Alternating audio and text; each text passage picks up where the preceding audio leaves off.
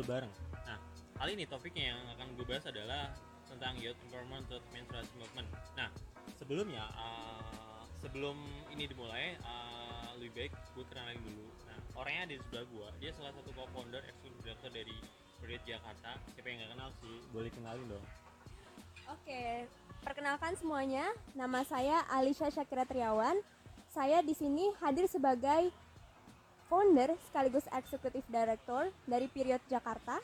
Jadi Period Jakarta adalah chapter atau cabang dari organisasi menstruasi internasional, yaitu Period Movement.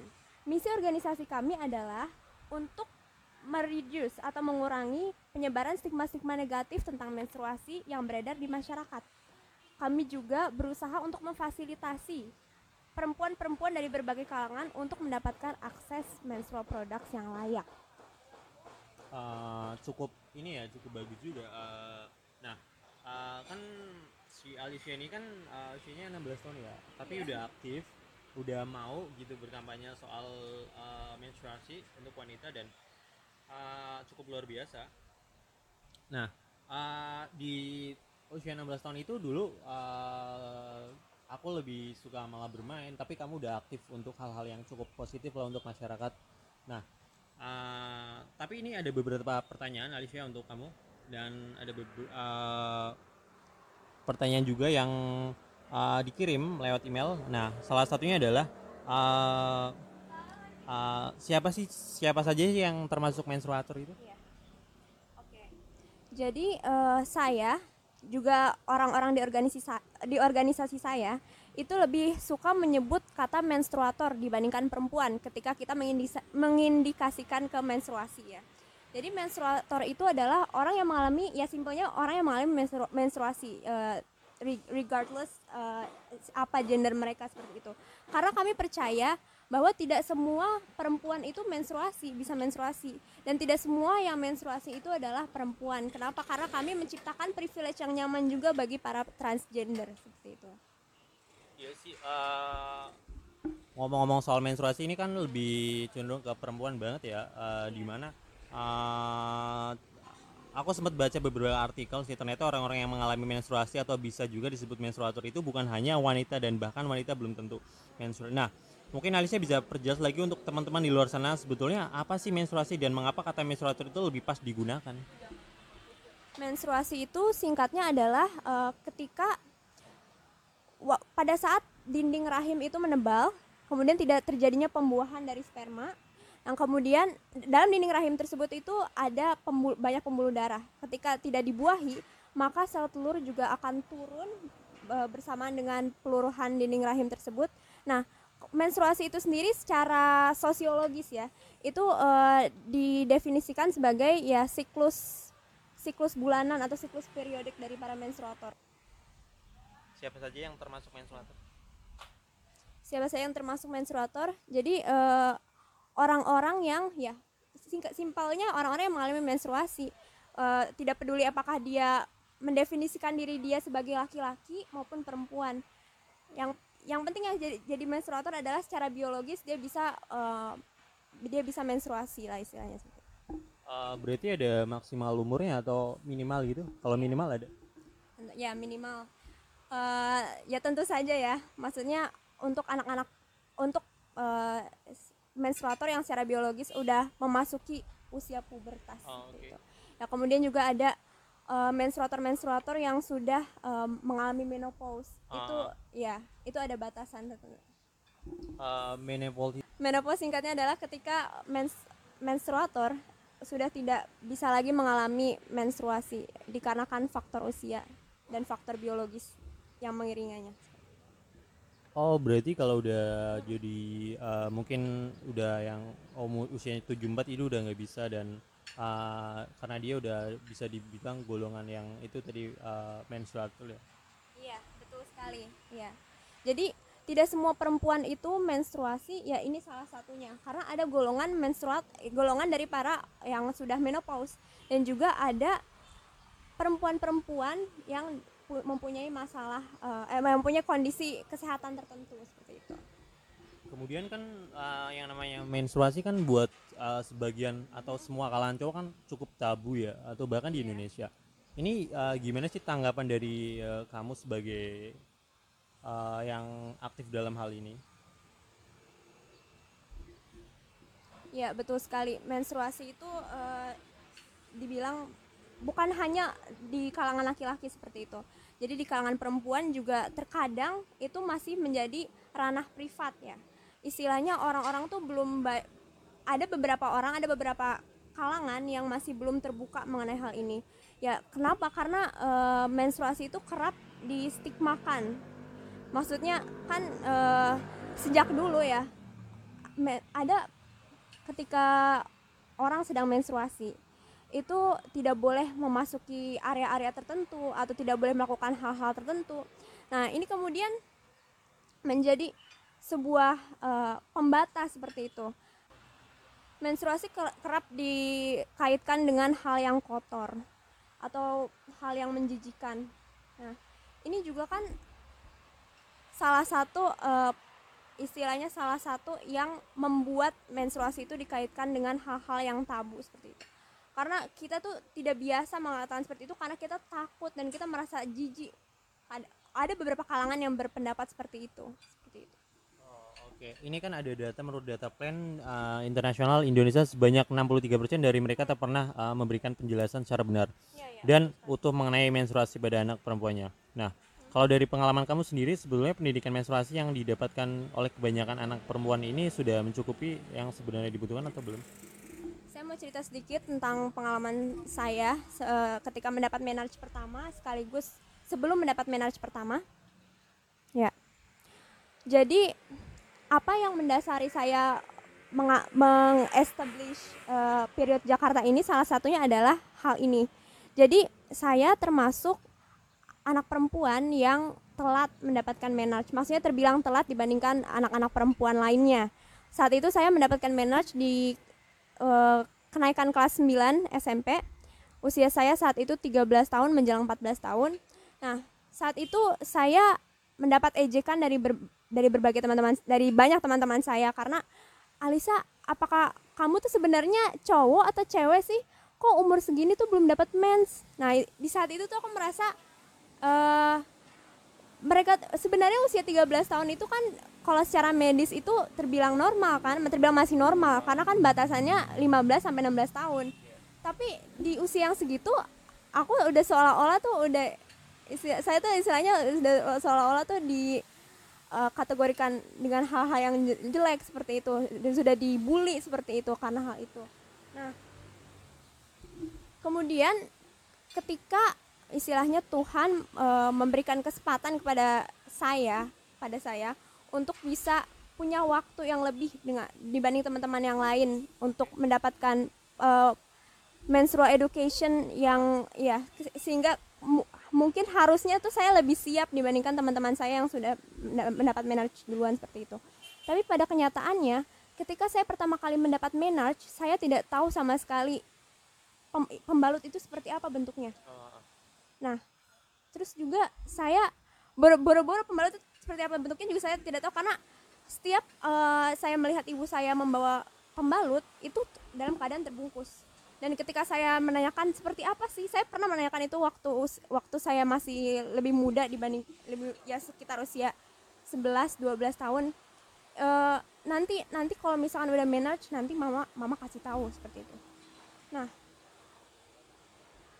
kemudian saya jadi bingung kan waktu saat menarche itu gimana caranya make gimana cara membersihkannya. Bener-bener nggak tahu. Dan bahkan sepupu sepupu saya yang uh, sepupu saya yang belum saat itu belum menarche yang saat itu di di uh, di ruangan yang sama dengan saya lah istilahnya ketika pertama kali saya sadar bahwa saya dapat menarche itu malah lebih tahu lebih paham. Karena dia tuh punya istilahnya punya uh, niat sendiri gitu untuk mencari tahu yes. bukan dari orang tua bukan oh. memang sekolah sudah memfasilitasi dari kelas 6 kita sudah mulai belajar basic-basic tentang oh. sex education tapi menurut saya kurang untuk spesifikasinya oh. terutama ya tentang di menstruasi seperti itu salah satunya Oke, uh, lanjut ada beberapa pertanyaan lagi. Uh, penjelasannya cukup jelas dan menarik banget sih uh, buat gue sebagai laki-laki ya. Karena uh, nah ini ada beberapa pertanyaan lagi. Kemudian mengenai period property Jakarta. Nah, uh, cara memperkenalkan isu gimana sih buat uh, ya? Uh. Jadi kami memperkenalkan isu baik secara offline maupun online. Nah, secara offline kami mengunjungi beberapa tempat publik di Jakarta Nah, kami saat itu tuh memperkenalkan dengan poster, dengan poster ya. Kami bagi-bagikan poster. Kemudian kami kami pernah saat itu ke Kota Tua Jakarta, wisata Kota Tua Jakarta. Nah, saat itu uh, kami memperkenalkan secara verbal tentang uh, isu period poverty, apa itu period poverty, kemudian uh, apa yang harus dilakukan sebagai warga-warga Jakarta seperti itu. Nah, kemudian kami minta uh, tanda tangan. Itu tanda tangan itu tuh secara tidak langsung sebagai bukti bahwa warga Jakarta juga sebenarnya mendukung uh, dengan uh, menstrual menstruation movement seperti ini. Kemudian uh, ada nggak sih dampaknya untuk uh, setelah mengenalkan isu terus kemudian dampaknya untuk masyarakat atau masyarakat uh, langsung paham atau bahkan uh, lebih banyak uh, tanda tanya atau nanya? Tanggapannya. Iya ada yang uh, waktu saya waktu kami temui ada yang bilang uh, period poverty perasaan pembalut murah-murah aja gitu seperti itu terus uh, tapi pada pas saya pa, pas tim kami uh, searching gitu ya. Jadi di Indonesia itu uh, masih ada pajak untuk membalut. Walaupun min, nominalnya tidak seberapa lah. Tapi untuk sebagian kalangan yang saya temui sendiri waktu uh, distribusi pembalut ke beberapa kalangan yang seperti pemulung misalnya itu tuh menjadi hal yang serius bagi mereka. Karena ya seribu rupiah itu ber, ya berharga untuk mereka dan uh, berarti uh, kemudian apa penyebab utama dari period poverty ini juga diakibatkan oleh kurangnya edukasi mengenai menstruasi Iya, salah satunya ya karena kurangnya edukasi mengenai menstruasi. Jadi uh, period poverty itu kalau definisinya itu bukan cuma uh, tidak memadainya akses untuk mendapatkan menstrual products yang layak sebenarnya, tapi juga uh, tidak memadainya edukasi seputar menstruasi. Jadi ketika uh, sebagian kalangan menstruator itu tidak bisa uh, memperoleh menstrual produk yang layak, maka ada yang me, istilahnya mensiasati dengan menggunakan handuk seperti uh, menstruator-menstruator zaman dahulu gitu. Nah, ketika mereka tuh tidak teredukasi uh, kapan harus ganti, kapan harus cuci seperti itu, kapan uh, pokoknya itu tuh sebenarnya juga untuk skala higienitas itu masih kurang. Jadi kalau misalkan orang-orang uh, orang-orang lain yang mungkin lebih punya privilege yang layak itu uh, sadar akan hal itu dan peduli akan hal itu maka mereka orang-orang yang peduli dan sadar itu mungkin akan uh, lebih tinggi probabilitasnya untuk membantu mereka juga sehingga akhirnya period poverty itu bisa direduksi. Oke. Okay. Uh, dan uh, kan uh, ini kan ada dampak juga terhadap masyarakat, nah terus lingkungan. Nah, uh, kemudian menciptakan lingkungan yang ramah buat menstruator dalam kehidupan sehari-hari itu gimana menurut kamu Alisa? Menciptakan kehidupan yang uh, nyaman ya bagi para iya. menstruator. Itu maksudnya uh, jadi menstruator itu istilahnya ketika mengalami kondisi-kondisi tertentu misalkan contohnya bocor. Nah, ini pengalaman pribadi juga ya. Jadi kalau misalkan waktu saya awal-awal menarche itu setiap bulan saya bocor. Ya.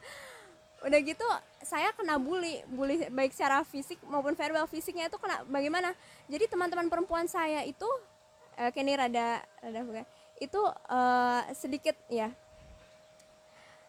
menempelkan tangannya di celana saya. Istilahnya kayak apa ini? Apa ini? Itu cepetan ganti pembalut nanti dilihat laki-laki seperti itu. Nah hal-hal yang seperti ini tuh harus di, harus harusnya nggak nggak seperti itu kan? Nah terus uh, menciptakan lingkungan yang nyaman juga bagi para menstruator adalah ketika uh, menstruator itu misalkan di sini uh, kalau di Indonesia tuh dominannya perempuan ya istilahnya kita oke kita sebut aja perempuan untuk saat ini ya. Ya perempuan uh, ingin membeli eh, pembalut misalkan di warung. Saya waktu per- waktu awal-awal dapat menarch saya eh, dibilang teman-teman saya bilang kayak gini. Nanti kalau misalkan beli di koperasi jangan jangan pernah bilang eh, pembalut ya, bilang aja roti Jepang gitu. Apalagi kalau eh, sellernya itu tuh laki-laki gitu. Jangan pernah ngomong pembalut. Nah, itu kan hal seperti terus kalau misalkan udah beli terus harus jangan lupa disumputin gitu di celana atau di tas gitu kan. Itu kan hal yang sebenarnya tuh tidak mesti seperti itu. Kenapa?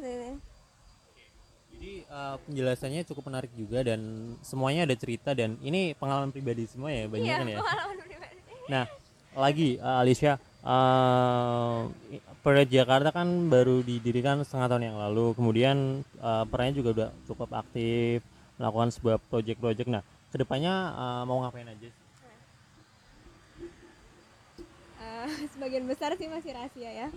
Tapi eh, ke depannya ya kami masih akan terus mendistribusikan menstrual products ke menstruator-menstruator yang membutuhkan.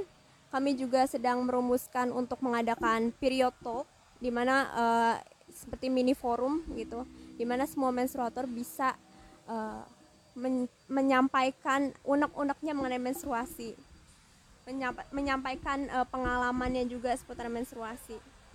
Karena pengalaman itu adalah bukti yang paling autentik menurut kami seperti itu. Uh, gue sebagai cowok sih kadang cukup tabu ya uh, ngelihat perempuan atau cewek yang sedang uh, kayak menstruasi gitu.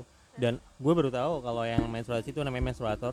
Dan ya menarik banget sih apalagi dengan kamu terus membuat sebuah uh, Jakarta terus kemudian bagaimana caranya kamu udah tahu terus upaya yang harus kamu lakukan juga kamu udah tahu dan semua uh, teman-teman kamu juga terlibat dan kamu didukung juga kan di sekolah. Nah kalau boleh tahu uh, Jakarta itu udah ngapain aja sih? Jadi eh, pertama awal awal awal periode Jakarta dibuat, eh, pertama kami menginisiasikan gerakan-gerakan yang paling sederhana terlebih dahulu yaitu eh, campaign secara online di media sosial masing-masing. Terus kami eh, jadi masing-masing dari pengurus periode Jakarta itu meng- menge-hire teman-teman yang lain untuk jadi istilahnya duta duta menstruasi seperti itu. Jadi jadi setelah kampanye itu dari pengurus-pengurus juga teman-temannya seperti itu. Nah setelah itu untuk masalah period poverty itu sendiri eh, kami mengumpulkan menstrual products dari para donatur dan juga ya donaturnya itu kebetulan ada juga donatur dari peng- pengu- da- dari eh, dalam period Jakarta seperti itu pengurus period Jakarta.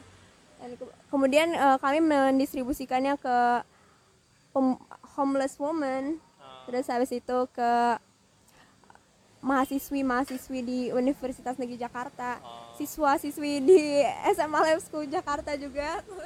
Kebetulan saya sekolahnya di situ. Nah, eh, selain itu juga eh, ke panti asuhan, ya. Uh, di panti asuhan tadi ya uh, kalau panti asuhan kan biasanya cenderung anak-anak yang uh, masih usia belia terus kemudian mungkin jarang memahami uh, tapi itu kan buat kamu tantangan tersendiri kan buat gimana cara memperkenalkan buat teman-teman yang ada di panti asuhan nah sejauh ini tantangan apa sih yang uh, yang banyak kamu apa namanya uh, hadapi selama menjadi co-founder ini di Brand Jakarta Jadi eh, usia saya masih 16 tahun dan orang-orang mengkategorikan saya sebagai anak yang baru lahir kemarin ya. Jadi ketika saya memperkenalkan isu menstrual movement dan saya menganggap hal ini tuh sebagai isu yang krusial menurut saya, maka orang-orang ada orang-orang yang berpendapat eh apaan sih anak usia 16 tahun? Kamu tuh masih kecil kamu tuh gak ngerti apa-apa. Kamu tuh belum se- sepintar atau sepemahaman mereka yang sudah dewasa seperti itu. Jadi kamu tuh bisa apa sih sebenarnya? Kamu tuh kerjaan kamu tuh ya pokoknya istilahnya ha- hal-hal yang menyudutkan bahwa saya tuh pada dasarnya tuh masih anak kecil dan saya tidak seharusnya untuk berka- eh, untuk membuat movement-movement seperti itu. Karena dirasa eh, edukasi saya masih kurang gitu dibandingkan mereka yang sudah uh, lebih teredukasi seperti itu. Jadi ketika uh, orang-orang dengan edukasinya yang lebih kurang kurang itu berbicara, mereka uh, beranggapan bahwa ah nantinya takutnya memberi informasi-informasi yang salah. Nah, mereka takut seperti itu. Mereka takut hal itu terjadi uh, kepada movement yang saya buat seperti itu. Terus juga uh, terutama ketika saya berbicara tentang inklusivitas menstruasi yang tadi sudah dijelaskan ya tentang menstruator itu orang orang-orang Indonesia ya itu masih juga tabu membicarakan tentang LGBT. Uh. Jadi saya dibilang oh anak ini antek-antek liberal ya. antek-antek sekuler sekuler mas saya nah ya ya saya sih emang menggolongkan diri saya sebagai orang yang uh, anak yang progresif seperti itu. Jadi saya ya ini juga tantangan tapi juga sekaligus penyemangat untuk saya juga untuk menjadi jati diri saya sendiri seperti itu. Uh, oke. Okay. uh, ini uh, malah ke mana-mana ya sampai ke LGBT itu. Kemudian banyak banget sih sebenarnya. Tapi uh, untuk kalangan-kalangan mereka atau kita sebagai orang-orang yang cukup aktif di dunia apa namanya aktivisme atau dunia yang uh, progresif ini yang tadi kamu bilang. Nah uh, kemudian apa sih harapan kamu buat periode Jakarta Movement ini? Ya. harapan saya ya tentu saya sederhana saja. Misi-misi kami terpenuhi seperti itu terlaksana seperti itu jadi e, ke depannya orang-orang tidak menganggap lagi sebelah mata istilahnya e, oh ini orga, periode Jakarta organisasi yang didirikan oleh anak-anak anak-anak SMA itu kan waktu itu juga kebetulan kan e, kebetulan nih ada namanya iya dari Plan Indonesia kebetulan pernah mengundang uh, periode Jakarta ke kantor Google sama ke Balai Sarbini. Nah saat itu saat di Balai Sarbini itu saya uh, dengan uh, partner saya yang lain itu uh, salah satu co-founder juga dan juga jadi uh, deputy executive director. Uh, kita, usia kami masih 16 masih SMA. Kemudian saya mendengar sendiri uh, di belakang, oh anak-anak ini masih SMA. Kayak oke okay, ya, maksudnya istilahnya walaupun ya setidaknya kami tuh punya misi-misi tertentu dan isu ini krusial isu ini kami merasa isu ini tuh patut untuk diperjuangkan seperti itu ya uh, banyak uh, banyak banget sih tanggapannya dan cukup menarik semuanya menarik banget jawabannya jawaban dan uh, harapannya juga semuanya uh, visi misinya juga terpenuhi Alisa mudah-mudahan. Dan lingkungan yang lebih ramah juga buat menstruator. Uh, untuk mengakhiri uh, podcast ngobar kali ini uh, mungkin bakal ditutup dengan sedikit motivasi buat menstruator yang di luar sana. Oke, untuk para menstruator di luar sana, uh, jangan pernah ragu untuk membuka diskusi seputar menstruasi. Jangan pernah merasa takut untuk mengatakan kondisi-kondisi yang kalian alami jika hal itu krusial. Jangan pernah hiraukan orang-orang yang menganggap menstruasi itu adalah hal yang tabu dan tidak patut untuk dibicarakan. Nah. Terutama e, bagi para menstruator yang berasal dari kaum marginal lah istilahnya. E, ya, menstruasi dan gender itu hal yang berbeda.